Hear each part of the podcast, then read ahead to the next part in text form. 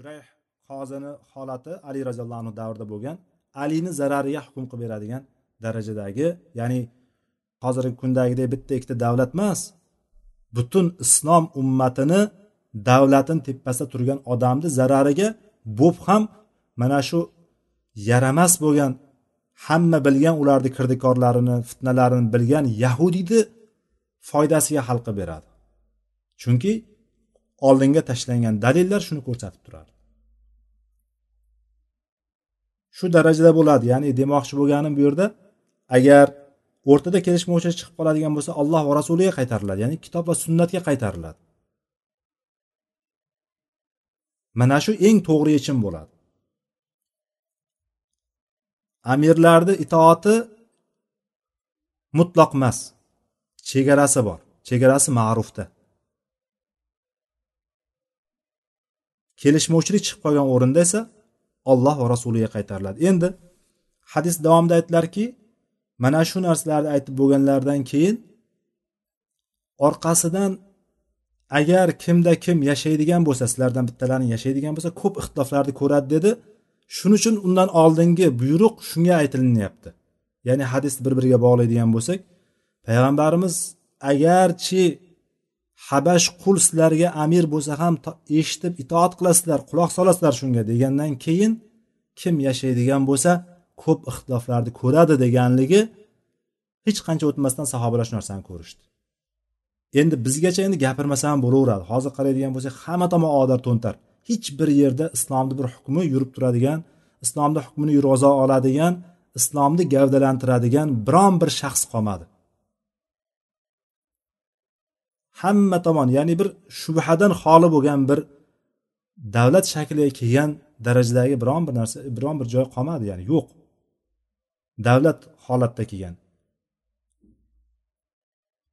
Musulmonlarni himoya qiladigan musulmonlarni hukmlarini joriy qiladigan musulmonlarni himoya qilib turib kofirlarga qarshi yurish qilib o'shalarni ovozini biroz pasaytirib qo'yadigan biron bir davlat degan narsa qolmadi hozirgi kunda. Bu sahobalarni davridagi o'sha paytdan boshlandi fitnalar. Umar roziyallohu anhu o'ldirildi. Umar roziyallohu anhu o'ldirildi shahid qilindi. Undan keyin usmon roziyallohu anhuni bilamiz qanday qilib turib qatl qilinganligini. Usmon roziyallohu anhuni qatl qilib o'rniga ali roziyallohu anhuni olib kelib qo'yishdi. Hatto ali roziyallohu anhu tahdidlar bilan tepaga chiqqan. Ya'ni boshqa iloj qolmaganligidan ali roziyallohu anhu tepaga chiqarilgan.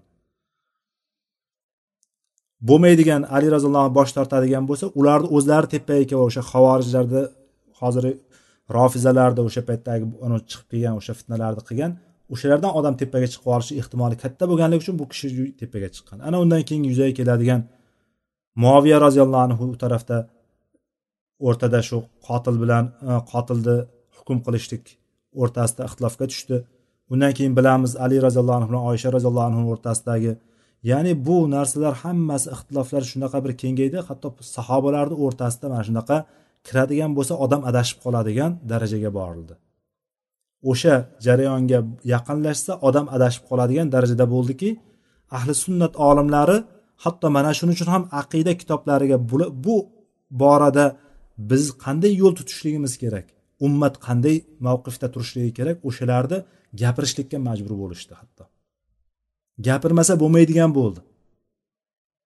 Chunki shunaqa ko'p toshlar otib tashlandiki sahobalar haqida shunaqa ko'p narsalar uydirib tashlandiki xossatan rofizalar hozirgi kundagi ko'rinib turgan bu shiyalar shunaqa bir narsalarni tashladiki odam sal agar diqqatliroq sal ehtiyotkorroq bo'lmaydigan bo'lsa o'shalarni gapiga aldangan holatda sahobalarga ko'p narsalarni gapirib tashlab moviya roziyallohu anhuni orqasidan roziyallohu anhu ham demaydigan darajaga borib qoladigan narsa bo'ladi bu xatar hisoblanadi. Bu xatar.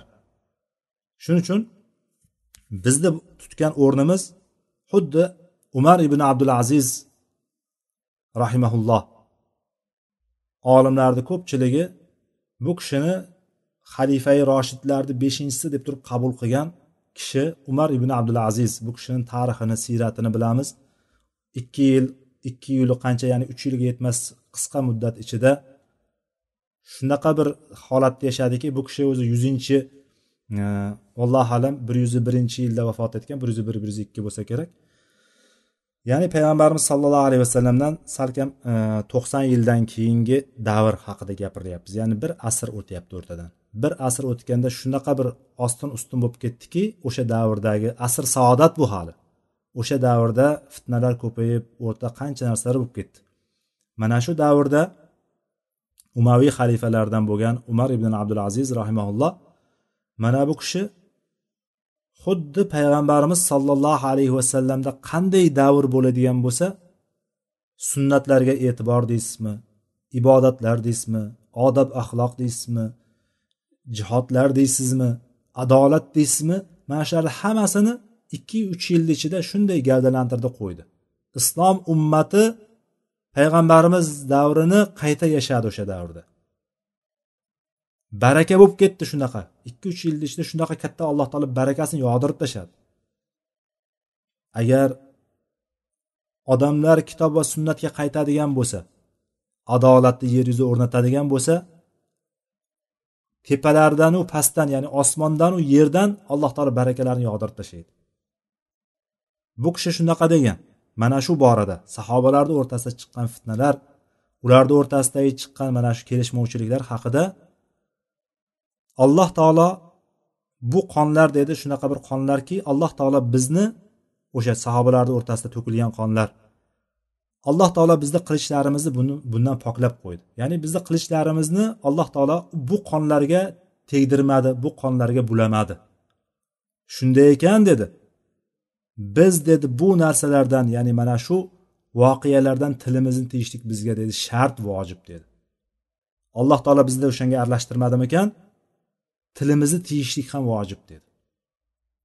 Umar ibn abdulaziz rahimaulloh mana shu gapni gapirdi. Bizni ham mavqifimiz shu bo'lishligi kerak. A biz o'sha yerda bo'lmadikmi? Biz qaysi taraf tanlashlik bizga ixtiyor berilmadimi o'sha payt? Biz tushib o'shalar bilan qilich ko'tarib turib jang qilmadikmi? Musulmonlarni qoniga qilichimiz bulanmadimi? O'shanga bulashmadimi? Demak mana shunga biz alloh taologa hamdu sano aytishligimiz kerakda tilimizni ham tiyishimiz kerak. Mana bu asosiy narsa. Shuning uchun bizda aytadigan narsamiz bitta. O'sha o'rinda aytadigan narsamiz bitta. Oyatda aytgandek ulardan keyin keladigan odamlarni ishi shundayki robbana ufir sabaquna bil iman va taj'al fi qulubina ghillan lillazina amanu robbana innaka raufur rahim. Bizni mavqifimiz mana shu. Bizni tutishimiz kerak bo'lgan o'rin bizni turishimiz kerak bo'lgan o'rin mana shu bo'lishligi kerak aytadigan gapimiz tilimiz mana shunga borishligi kerak xolos. Ya'ni alloh taolo aytyaptiki ulardan keyin keladiganlar ya'ni oldin o'tib ketganlardan keyin keladiganlarni ishi shuki robbimiz bizni mag'firat qil va bizdan oldin iymon bilan o'tgan birodarlarimizni mag'firat qil deydi. Ko'ryapsizlarmi? Bizni ishimiz nima? O'zimizga mag'firat so'rab ularga ham mag'firat so'rashlik alloh taolodan. Ollohdan iymon bilan o'tdimi? Yetadi. Sahoba mavqei sahoba bir bormi uni? Mavqei bormi? Sahobalik unvoni bormi uni? Yetadi. Payg'ambarimiz sallallohu alayhi vasallam sahobalarim sahobalarni qanchalik darajada ulug'laganliklari bormi? Hurmat qilganliklari bormi? Alloh taolo sahobalarni payg'ambar sallallohu alayhi vasallamga tanlab berganligi bormi? Biz o'sha yerda bo'lmadikmi? Sahobalarni ichida yurmadikmi? Sahoba qilib bizni alloh taolo tanlamadimi? Demak biz tilimizni tiyamizda ularga mag'firat so'raymiz. Va aytamizki yana vala tajal fi qulubina lilladina amanu. Va mo'minlarga nisbatan qalbimizda biron bir g'ilg'ash qoldirmagin deb turib alloh taolodan duo qilamiz. Qalbimizda mo'minlarga nisbatan biron bir g'ilg'ash qoldirma deb turib duo qilamiz mana shu bizni ishimiz. Albatta alloh taolo rauf bo'lgan mehribon bo'lgan rahmli bo'lgan zot. Endi bu ixtiloflar chiqadi ekan ho'p ixtiloflar chiqadi ekan. Ixtiloflar chiqishligini payg'ambarimiz sollallohu alayhi vasallam o'limlaridan oldin bashorat qilib ketdilar. Demak bu ixtiloflar chiqadi. Ixtiloflar chiqishidan oldin biz birinchi qiladigan ishimiz amirlarga eshitib eshitib quloq solib bo'ysunishligimiz bo'lsa o'sha bo'ysunmasligimizni oqibatida nima chiqdi? Ixtiloflar chiqadi ekan. Demak buni hadisni men bog'layapman. Demak biz qachon bo'yin tovlaymiz itoatdan? Amirlarga bo'yin tovlagan paytimizda ixtiloflar chiqadi. Ixtiloflar chiqqan paytda bizni ishimiz payg'ambarimiz sallallohu alayhi vasallam o'rgatyaptilarki faalaykum bi sunnati meni sunnatimni mahkam ushlanglar. Sunnatimni lozim tutinglar o'zlaringga. Ixtiloflar paytida sunnatni ushlagan payg'ambarimiz sallallohu alayhi vasallam sunnatini ushlagan. Va hadis davomida sunnatil xulofa roshidin al mahdiyin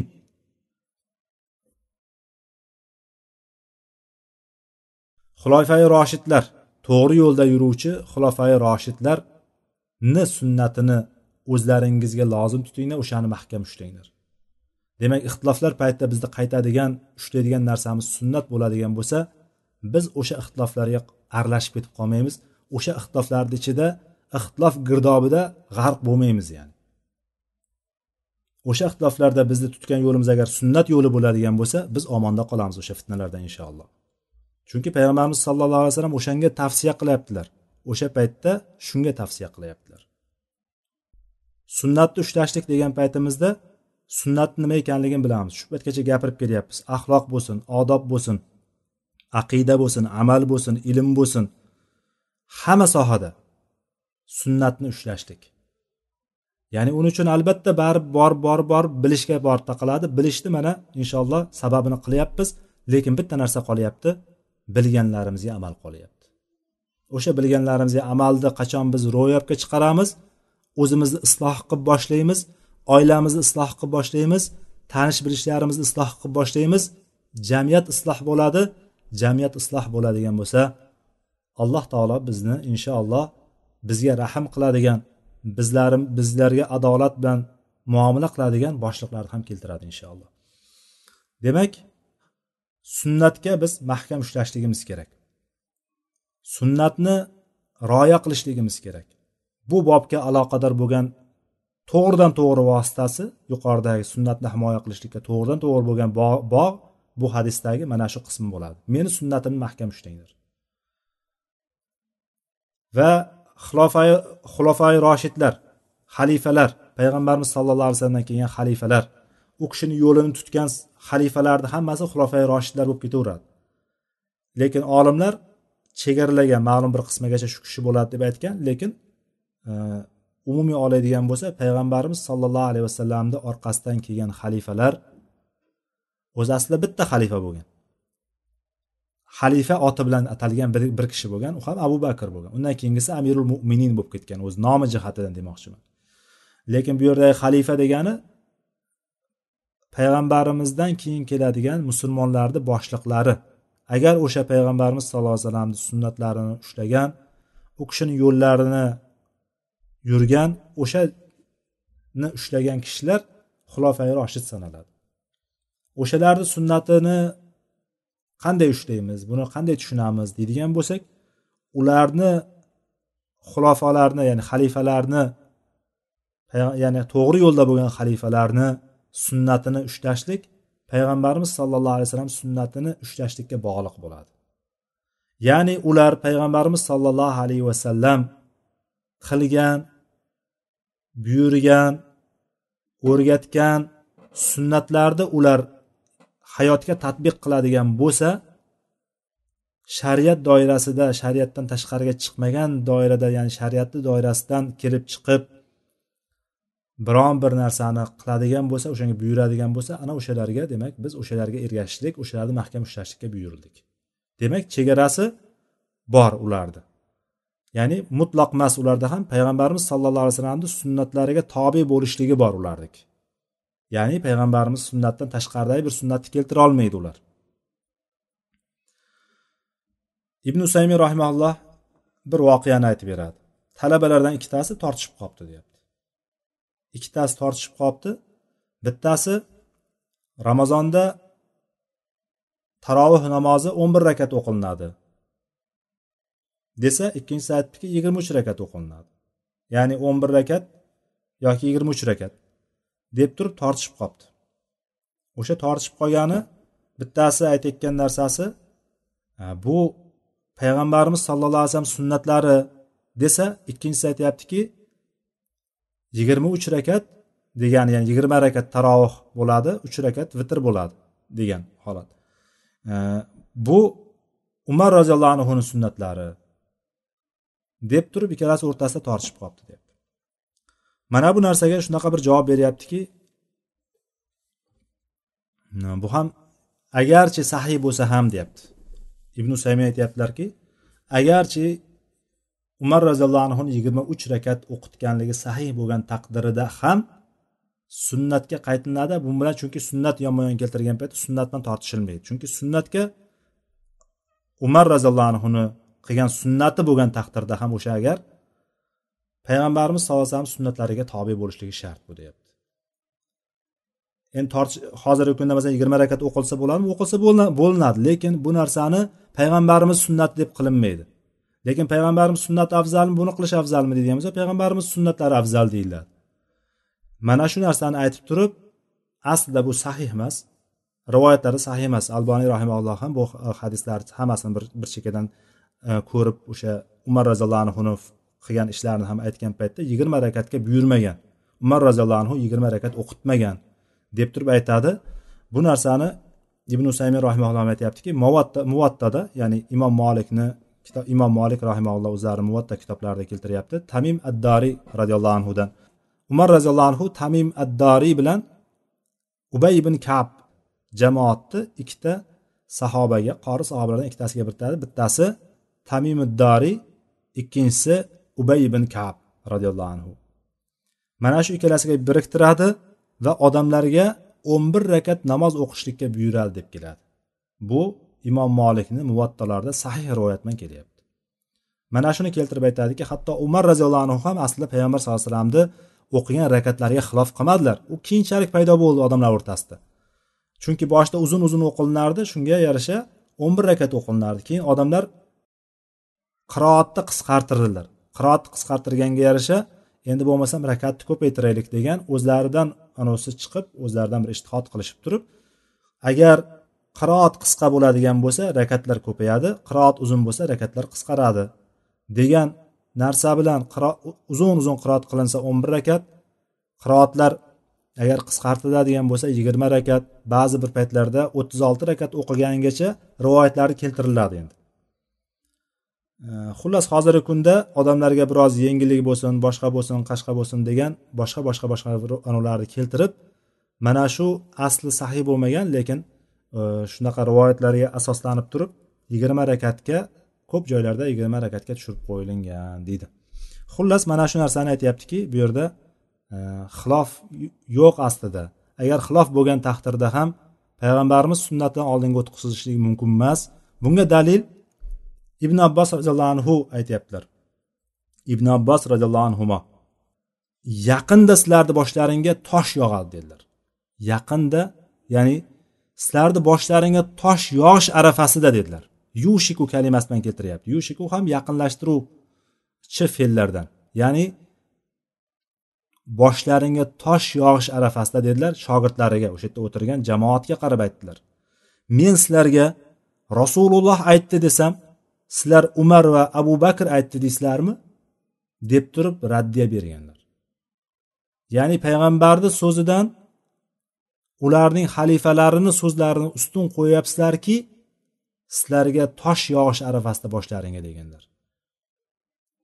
Shuning uchun bularni xalifalarni tutgan narsasi ya'ni xalifalar sunnati bizga qachon sunnat bo'ladi? Qachonki payg'ambarimiz sollallohu alayhi vasallamni sunnatlariga muvofiq bo'ladigan bo'lsa. Unga muvofiq bo'lmaydigan chiqib qolsachi deydigan bo'lsa biron bir so'zida yoki biron bir amalida biron bir buyrug'ida biron bir e, qandaydir hukmni yuzaga keltirishlikda yoki biron bir masalani yuzaga keltirishlikda boshqacha bo'lib qoladigan bo'lsa deyilsa biz sunnatga qaytamiz ularni o'zlarini uzrida qolaveradi. Agar ular ishtihod qilgan bo'lsa ishtihod o'ziga. Biz sunnatni ko'rib turgan paytimizda sahiy sunnatni ko'rib turgan paytimizda ularni gapiga qaramaymiz. Mana shu asl bo'ladi. Endi hadisda tamassaku bihadan undan keyin addu alayha bin navajiz deyapti. Hadisda oziq tishlaring bilan tishlab olinglar. Bu yerda kinoya ishlatilyapti. Kinoya majoz ishlatilyapti oziq tish bilan chunki payg'ambar sallallohu alayhi vasallam sunnatni sunnat endi ko'rinadigan narsa emas aslida. Sunnat amal so'z qilinadigan narsa aytilgan gap. Buni qanday qilib bir ishlab olish mumkin degan savol tug'iladi. Bu narsa hammaga ma'lum. Bu narsa kinoya. Ya'ni inson birinchi qo'li bilan ushlab turibdi. Qo'li bilan mahkam ushlab turibdi buni birinchi. O'sha mahkam ushlab turganini endi shunday oziq tishiga qo'yib tishlaydigan bo'lsa ikkita qo'l bilan ushlab turibdi birinchi. Mana bitta e, go'shtni oling. Yo bo'lmasam biron bir narsani olingda ikkita qo'lda ushlab turibsiz birinchi. Tushib ketmaydi birinchidan endi oziq tishga qo'yib turib mahkam tishlagan paytingizda ikkita qo'lni ushlashi bor tishni ushlashlik bor. Ya'ni bu degani shunaqa mahkam ushlanglarki undan ajralmanglar degani. Agar bu yerda yana oziq tishlar zikr qilinishligini ham bir ahamiyati bor. Buyoqdagi tishlangan narsadan chiqib ketishligi qiyin bo'lgan narsa. Agar oldindagi tishlar bilan ya'ni oldindagi kesuvchi kurak tishlar bilan agar tishlaydigan bo'lsa qattiqroq tortsa tishni ham sindirib yuborishligi mumkin agar bittasi tortib olaman deydigan bo'lsa. Ya'ni bu yerda shunaqa bir e, payg'ambarimiz sollallohu alayhi vasallamga qisqa gaplar bilan keng ma'nolarni ifodalovchi ilm berilgandi u kishiga. U kishi jumlalar qurishlikda ham shunaqa bir jumlalarni qurilganki ya'ni mubolag'a kinoya ishlatilgan yoki ba'zi o'rinlarda majoz ishlatilgan kinoyalar shunaqa ishlatilganki haqiqatdan bunday olib qarasa o'shani jonli ravishda tasvirlab bera olgan. Insonni ko'z o'ngida gavdalana oladigan bir narsani olib turib boyagi aytganim hozir bir narsa go'shtni olaylik. Suyakli go'shtni olib turib ikkita qo'l bilan mahkam ushlasangiz birinchidan tushib ketmaydi. Bitta qo'l bilan ushlaganingiz tushib ketishligi mumkindir balki ikkita qo'l bilan ushlab turibsiz. Endi yana oziq tishga qo'yib turib tishlagan paytingizdagi holatda sizdan hech kim tortib ololmaydi u narsani. Demak ixtiloflarga tushgan paytda ixtiloflar paydo bo'lgan paytda ko'paygan paytda bizni ishimiz ya'ni bugungi kundagi ishimiz sunnatni mahkam ushlashlik sunnatni yaxshi o'rganib hayotimizga tadbiq qilishlik.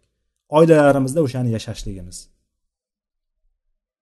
Bizga har kun gapirib turuvchi payg'ambarimiz bo'lishligi kerak bizga. Bizga har kuni bizga yo'llanma ko'rsatib turuvchi payg'ambarimiz bo'lishligi kerak. Bunga alhamdulillah alloh olimlarimizdan muhaddislarimizdan rozi bo'lsin. Ular bizga mana shu narsani yengillashtirib ketdi. Kitoblar hadis kitoblar sahihayn deysizmi sunnatlar deysizmi sunanlar deysizmi musnatlar deysizmi bularni hammasi to'plandi yozildi hammasi jamlab ketildi. Qani uni o'quvchilar? Qani uni o'qib amal qiluvchilar? O'shani hattoki nomini ham o'shani olib turib nomini ham o'qiydigan odam yo'q hatto. Qani qaysi kitoblar bor ekan o'zi? Hadis kitoblardan nima kitoblar bor ekan? Asl oti nima ekan buni? Nechta jild ekan? O'zbekchaga tarjimasi bormikan deb turib biz izlanishligimiz kerak. Ana uni ko'rganimizdan izlanganimizdan keyin alloh nasib qilsa inshaalloh uni o'rganishlikka kiramiz o'qishlikka kirishamiz. Hayotimizga tadbiq qilib boshlaymiz. Va payg'ambarimiz sallallohu alayhi vasallam hadis davomida aytdilarki ishlarni yangi paydo qilinganliklar yangi paydo qilingan ishlardan uzoq bo'linglar dedilar. Bu ish al umur bu yerda kelyapti. Muhtasatil umur ishlarni yangi paydo qilinganlari dinda. Dinda yangi qilingan ishlardan uzoq bo'lishlik. Ya'ni bu bid'at haqida gapirilyapti. Dinda biron bir narsani yangi paydo qilishlik bid'at hisoblanadi. Dinda biron bir ibodatni yoki biron bir amalni yoki biron bir zikrni o'zcha bir paydo qilishlik bu narsa bid'at hisoblanadi. Bid'atni dalili bo'lmaydi. O'sha dalilni bo'lmasligi o'shani bid'at ekanligiga dalil hisoblanadi.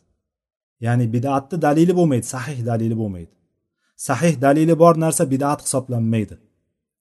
Sunnat hisoblanadi yoki biron bir boshqa boshqa hukmlarga kiradi. Dalili bo'lmagan bir ibodat zikr amal bidat hisoblanadi. O'sha dalilini bo'lmasligi bidat ekanligiga dalil bo'ladi. Dalilini bo'lmasligi bidat ekanligi dalil bo'ladi. Ya'ni biron kishi bitta amal qilib turgan bo'lsa ibodat qilib turgan bo'lsa daliling bormi deb so'raymiz. E seni buni noto'g'ri ekanligiga daliling bormi desa yo'q sen bunga dalil keltir desa. Sen bunga dalil keltir. Dalil keltira olmasa va siz ham qidirib hamma joydan qidirib ko'rganingizdan keyin dalili chiqmasa u bidat bo'ladi. Lekin bitta nuqtasi bor. Zaif hadislarga kelib taqalgan amallar bo'lib qoladigan bo'lsa buni birdaniga bidat deb yuborishlikdan sal ehtiyot bo'lishligimiz kerak. Chunki hadis ilmidagi rivoyat ilmidagi rivoyat bu e, ijtihodiy masala. Qaysidir olimga ko'ra bitta roviy uning uchun sahih bo'ladigan bo'lsa qaysi bir kishi uchun uning uchun e, bir sahih bo'lmay bo'lmasligi mumkin. Roviylarga qarab turib hadislar zaif yoki sahih bo'ladi. Shuning uchun zaif hadisga asoslangan bir e, ibodatni qilayotgan bo'lsa bir amalni qilayotgan bo'lsa ehtiyot bo'lishligimiz kerak. O'sha narsani bidat deb yuborishlikdan. Lekin bitta amalni qilib turibdi bir kishi. Deylik bitta amalni qilib turibdi zaif hadisga asoslangan. Lekin bizda o'sha amalni o'rnida sahih hadisga asoslangan boshqa bir amal turibdi. Deylik mana shu ikkalasi yonma yon kelib qolgan paytda biz o'shanga sahih dalilni keltirib tushuntirib bera olsak u qabul qilmasa ham indamay ketaveramiz. Lekin biz bilamiz sahih dalil bilan amal qilishligimiz bizga to'g'riroq bo'ladi. Mana shu narsa bor bitta urg'u beradigan joy.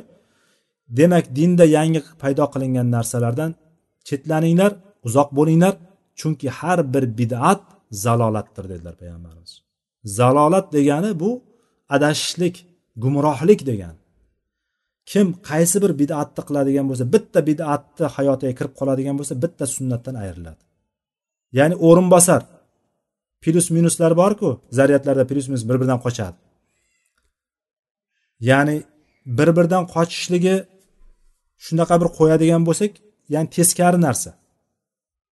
Olov bilan suv deylik yorug'lik bilan qorong'ilik bittasi kelsa bittasi ketadi albatta. Ikkalasi ham bitta joyda bo'lishligi mumkin emas. Ikkalasi bir o'raga kela olmaydi. Ikkalasidan bittasiga o'rin bor aslida. Ikkalasidan bittasiga o'rin bor. Yo sunnatni qilib o'sha o'rinni to'ldirasiz agar o'sha o'rinda bid'atni qilib qo'yadigan bo'lsangiz sunnat ketib qoladi. Ya'ni qaysi bir bid'at yo'qki ya'ni qaysi bir bid'at bor bo'lsa borki o'sha o'rinda o'shani o'rnidan bitta sunnat chiqarib tashlangan bo'ladi. Chunki uni o'rnini to'ldiradigan boshqa sunnat bo'ladi albatta. Demak bidat sunnatni teskarisi bo'ladi. Sunnatni qarshisida turadigan ziddida turadigan narsa bidat hisoblanadi va bu bidat zalolat adashishlik gumrohlikdir. Boshqa bir hadislarni ham bunga qo'shadigan bo'lsak zalolat esa do'zaxdadir deb keladi. Alloh saqlasin. Alloh taolo bizni sunnatga mahkam ushlaydigan sunnatni mahkam ushlaydigan sunnatga amal qiladigan hayotlarimizga farzandlarimizga oilalarimizga hayotimizga tadbiq qiladiganlardan qilsin. Bidatlardan alloh taolo hammamizni o'zi asrasin.